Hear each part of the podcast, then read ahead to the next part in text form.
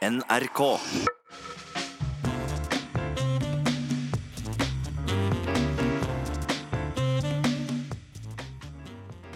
I år er det 150 år siden Blix gav ut det vesle heftet Noen salmer, gamle og nye, i 1869. Det var den aller første salmeboka på norsk, og dette skal vi tale mer om med Edvard Hoem i studio. Men først eh, kommer Valenkoret med Elias Blix sin, like velkjente som praktfulle Nå livner det i lunda.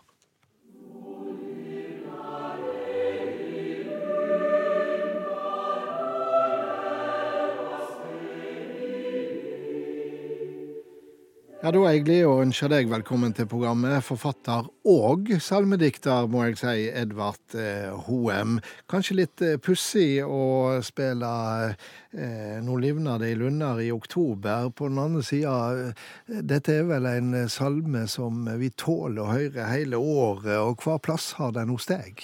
Nei, Den har en veldig stor plass hos meg. Det er vel en av de mest fineste blikksalmene, og iallfall den som er mest brukt av alle, og det er veldig mange. Jeg rakk ikke å telle over, men jeg tror det må være 50 igjen i den nye salmeboka. Så han jo, står jo veldig sterkt da, i norsk salmetradisjon og har vært sunget mye, både i bokmålskretser og i nynorsk land, for å si det sånn. Ja, Hvor stor betydning har eh, Elias Blix? I, altså I den norske språkhistoria har han enorm betydning. Det, jeg har skrevet litt om dette for lenge siden, men sånn som jeg husker det, så så var det sånn at han fant Ivar Aasens bok eh, 'Prøver av landsmålet', som var skrevet i 1853. Da han gikk på et seminar, kanskje var det Tromsø, jeg er ikke sikker. Og så oppdager han altså den nære sammenhengen mellom Helgelandsmålet, som han var vokst opp med, og som han fram til da trodde var et slags forderva dansk, eller forråtna dansk. Så, så feil kan en ta. Men så var det mange som trodde Det var en nokså gjengs oppfatning det før Ivar Aasen. Og så ser han at dette ligner til forveksling på hans eget språk. Og det har jo jeg tenkt mange ganger, at på Helgelandskysten der snakker de jo nynorsk slik som vi skriver det i dag. Så det er gåte at ikke folk i større grad bruker nynorsk der. Men iallfall Blix begynner nå å skrive på nynorsk, blir oppfordra til å skrive salmer. Ivar Aasen hadde prøvd seg på det, men, eh, men han oppfordret den langt yngre Blix da, til å gjøre noe med dette her, og så kommer altså noen salmer da vel i 1869. Og Samtidig så var jo eh, også Elias Blix et eh, barn av strømdrag i si tid, fordi at 16. Eh, oktober i samme året, 1869, da kom Landstads i første salmebok. Og det var jo den første som var på norsk også. Ja, det var det. Og Landstad er naturligvis en stor salmedikter, han òg. Men han, eh, han, han, opererte jo, han skrev massevis sjøl, og han opererte da med den store danske salmeskatten som vi fram, hadde brukt, som var gjengs fram til da, da han satte sammen si uh, første salmebok. Men uh, det spesielle med Blikksalmene var jo at det var på landsmål, og at det ikke var lov i utgangspunktet å synge på landsmål i norske kirker. Det var også sjøl blant folk som hadde gode norske dialekter, var det kanskje en gjengs oppfatning at eh, Guds ord sto seg best på riksmål. og det er altså sjøl min bestefar, som da stemte for nynorsk altså han, Når han tok, skulle ta fram Bibelen, da var det den gamle riksmålsbibelen som han hadde fått tidlig i ungdommen. ikke sant? Mm. Så, det var det hellige språket? Det var det hellige språket. Men Blix sine salmer får en veldig sterk betydning, for at ofte var det sånn at folk begynte å synge Blix-salmer, og så vendte de seg til seg. Og så kom det da avrøsting om skolemålet. Og da stemte de på nynorsk, de hadde smakt på det og kjent at det smakte bra. Og så til slutt så det, innfører de da nynorsk salmebok. Men den går mange plasser veldig seint i denne prosessen. da. Altså, eh, fra Blix i hand så eh, har vi akkurat hørt 'Nå livner det i lunder'. Eh, vi har 'Og jeg veit meg et land', altså barndomsminne fra Nordland, som det vel heter. 'Gud signe vårt dyre fedreland, med Jesus vil jeg fara'. Altså, dette er jo nesten som ord og uttrykk i språket vårt eh, også i dag. Hva, hva, hva er det som gjør at disse orda eh, også feller så lett i munnen i, i, dag? Jeg tror det er noe sånn naivt i positiv forstand med Elias Blix sine salmer. Bjørnson mm, spotta han jo så han skrev bare barnedikt. Og, det, og det kanskje ligger i den retningen, men det, det ligger utrolig enkelt og godt til rette for, for oss. Orda faller veldig naturlig. Og en bare peker på en skilnad mellom, mellom Blix og Landstad. Blix vendes direkte til Gud, eller til Jesus Kristus. Du er veg... Altså, du som vegen er og livet. Altså, han vender seg til, til, til, til Gud, mens Landstad han er jo subjektivisten i romantikken som liksom sier 'Jeg vet meg en søvn i Jesu navn. Jeg løfter opp til Gud min sang'.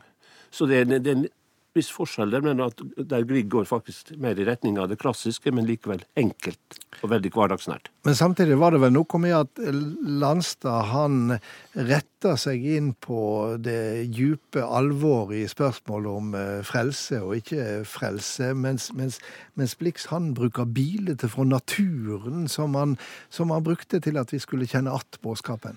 Han gjør det iallfall i langt sterkere grad. Det gjorde jo delvis Landstad også, da. Fra fjord og fjære, fra fjell og Dypendal. Mm. Men, men, altså, den norske naturen skinner gjennom overalt hos Blix. Det er helt sant. Slik er det. Eh, er det et særpreg hos Elias Blix, dette? Er det, er det den, den, nordnorske oppveksten hans som, som eh, her slår igjennom?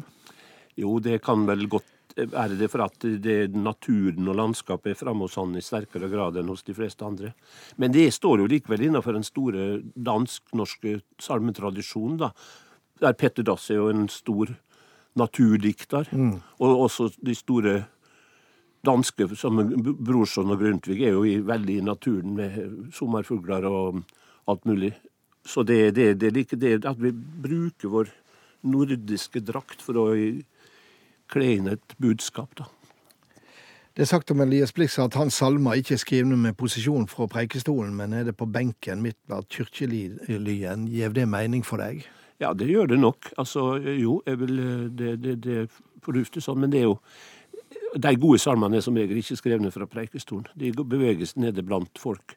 Men altså, det er veldig forskjellige synsvinkler. Altså, Petter Dass er jo veldig der ute fra, kan jeg si noen ganger. Gud er Gud om alle Unnskyld, om alle mann var døde. Ja. Da, er det, da, er det, en helt annen kosmisk visjon som framtrer for ham. Da. Det er velde over sånt? Det er velde over det. Eh, du skriver salmer sjøl. Vil du si at du er påvirka av eh, en Elias Blix? Nei, det har jeg ikke tenkt på, men det en er jo påvirka av mange ting, og kanskje Blix-salmene sto jo høyt hos far, da, som var veldig opptatt av salmer, og sang ofte. Vi sang altså denne her eh, Himmelske Fader. Det er det andre verset Himmelske Fader brukte vi som bordvers hjemme hos oss i barndommen. Ramnunga roper, og du gjev dem mette, hungrande hopar til ditt bord vert sette. Deim gjev du føa, signa landsens grøa, sender oss solskinn og regn. Det brukte vi hjemme hos oss òg, eh, men tilhøva rundt eh, den første salmen du skrev, Edvard Hoem, 'Den fattige Gud', det var spesiell. Hvordan var det? Det var sånn at jeg da hadde distansert meg veldig langt ifra det kristne utgangspunktet, og var langt på venstresida. Unnskyld igjen. Viste meg sjelden i ei kirke, men så var det sønnen min som kom hjem fra skolen på Sandviken i Bergen en dag og sa at lærerinnen hadde bedt han si til meg at nå måtte skrive en salme som kunne synge i klassen før jul. Da skrev jeg min første salve, da. Og jeg var jo inne i en prosess da jeg da var på vei tilbake til ei kristen tru gjennom den amerikanske frigjøringsteologien. Jeg hadde vært i Nicaragua, blant annet, og møtt flere av de ledende sandinistene, som var frigjøringsteologer og prester. Og så, så skrev jeg nå denne salmen, og så ble det Henning Somro som uh, satte melodi til. Da var jeg kommet til 19. desember. Jeg husker jeg ringte til Egil Mon Iversen, som da var sjef for musikkavdelinga her, og på Det Norske Teatret var han òg, så satt han uh, på den litt kontante måten som gjerne kunne bruke overfor en sånn mann som han, at du Egil Monn Iversen, du som tror du har all makt i himmelen på jord, det har du ikke, men du har all makt i NRK. Kan du få inn denne salmen før jul? Den fattige Gud. Da sa han da må det bli Kjersti Sparbo, hun skulle synge. Så der sto Kjersti Sparbo og sang mellom lutefisken og ribba på vesle julaften i 1983 om de fattige i verden midt oppi matstyret. Det var veldig en morosam, en morosam kombinasjon. La oss høre 'Den fattige Gud' eh, med Henning Sommero, som eh, du sa, som har skrevet melodien. Eit lite barn voks opp til mann og sa at han var Gud. Han ja, Edvard Hoem, eh, det var ikke grubleri over fortaping og frelse som egga deg til salmediktning? Nei, det var vel heller at jeg oppdaga at salmen var ei veldig veldig god uttrykksform. At det at folk synger sammen, er i seg sjøl et veldig vakkert fenomen. Og at det, det uttrykker da mer ikke så mye skremsel som det uttrykker et håp da, om at det skal være en større dimensjon over vårt liv enn det vi baler med til hverdags. Salmenes betydning, du nevnte det vakre ved å synge sammen, det, den kan være sterk? Ja, Vi synger på en måte sammen med mange generasjoner, da, iallfall når det gjelder de salmene som har vært her en stund. De som har levd det før, synger sammen med de som lever nå. Og det, det, vi går inn i en, trer inn i en større menneskelig sammenheng som jeg tror mange har glede av å være i. Og i sangen allment, også den som ikke er salmer, er jo ofte et veldig sammenbindende element. Jeg husker en gang jeg hadde et foredrag. Jeg må be om unnskyldning for denne stemmen, den er helt forferdelig. Det går bra. Men uh, det var på, det var på Jernet sted, og så kom det utrolig mye folk. Og så spurte jeg arrangøren hva er det som gjør at det kommer så mye folk. Hva er oppskrifta for å få samle så mye folk? Så svarte han, som heter Harald Oma, du må ha en god taler, det er det første. Det andre er at folk må få en kopp kaffe. Og det tredje er at jeg får synge sammen. Og det, det tror jeg er en super oppskrift for å få ting til å gå altså, her i verden. Og det, jeg ser hvordan det lysner til. Ofte når jeg er ute på konserter, f.eks. med Henning Somro, så får folk lov til å være med og synge, og så er det fantastisk plutselig. Så det er en magi i sangen som gjør at det er utrolig viktig at den nå får være i skolen. Det tror jeg må kaste den ut her en stund, og det ville vært et veldig stort tap. Men det er vel også det at når vi kommer til salmer, så er det at eh, det er noe som blir sunget ved de store anledningene i året eller i livet, ved dåp som vel som gravferd, eh, og at det på en måte der blir et helt spesielt eh, fellesskap. Det er helt riktig. altså Jeg skrev en salme til kong Haralds 70-årsdag, var det vel, ja, i 2007. Nå stiger vår sang, vår takk til Gud, heter den. Og den har jeg hørt nå brukt i, den er veldig mye brukt, i barndåp, i konfirmasjon, i bryllup og i gravferd. Så det viser at det er en slitesterk salme som passer inn i sånne store sammenhenger. Men det kan virke som din posisjon som salmedikter eh, skiller seg fra blikk som mange andre eh, mer tradisjonelle ved at du er mer opptatt av rettferd, eller nødvendigvis av frelse i det hinsidige. Det må iallfall være med det med rettferd også. Det, det, det altså For meg er kristendom er veldig mye det som skjer mellom oss mens vi er her, da, og hva, vi får i stand for å utrette her i verden. Og det er jo ikke noe som jeg har funnet på, da. Akkurat det var han fra Nasaret. Han var jo ikke bare snill og grei, han var jo til dels veldig rasende mot urettferd og mot hykleri og mot alle slike fenomen som det er så rikelig av. Men du har jo bak deg et stort forfatterskap i mange betydninger av ordet, og i en god del år var, var eh, en politisk ståstad i den marxist-leninistiske rørsla eh, din plass. Det var ikke gitt at du skulle ende som salmedikter eh, rikelig representert i Den norske kyrkjas salmebok? Nei, det, var ikke, det sto ikke i stjernene, eller jeg så jeg det ikke da. Nei. Men det er vel en langvar, veldig langvarig prosess. Altså, det, altså, jeg brukte Det var en som sa til meg at er du som har gjort kuvending. Nei, jeg brukte 15 år på den kuvendinga, så det var vel ikke akkurat sånn. Bare at jeg måtte gå gjennom alle ting på nytt da. Og innså vel at den tredje dimensjonen, eller den i, i en menneskeliv, at den, at den hadde jeg bruk for. da. Eller den, måtte, jeg måtte se ting i en sånn sammenheng, og så krabba jeg ganske sakte tilbake til den norske kirka. Jeg er vel ikke Guds beste barn, men jeg har begynt å tro at jeg er Guds barn nå, da, så det håper at det får rekke. Raust så gjev jo du oss et blikk i bakgrunnen din i den eh, varme og utrolig sterke romanen 'Mors og fars eh, historie'. Er du på en måte attende til røttene dine? Ja og nei, vil jeg si. Altså, det er nok en mer, det er ikke akkurat barnetrua, men det er vel kanskje at jeg har reflektert meg fram til noe som jeg vil kalle et tru.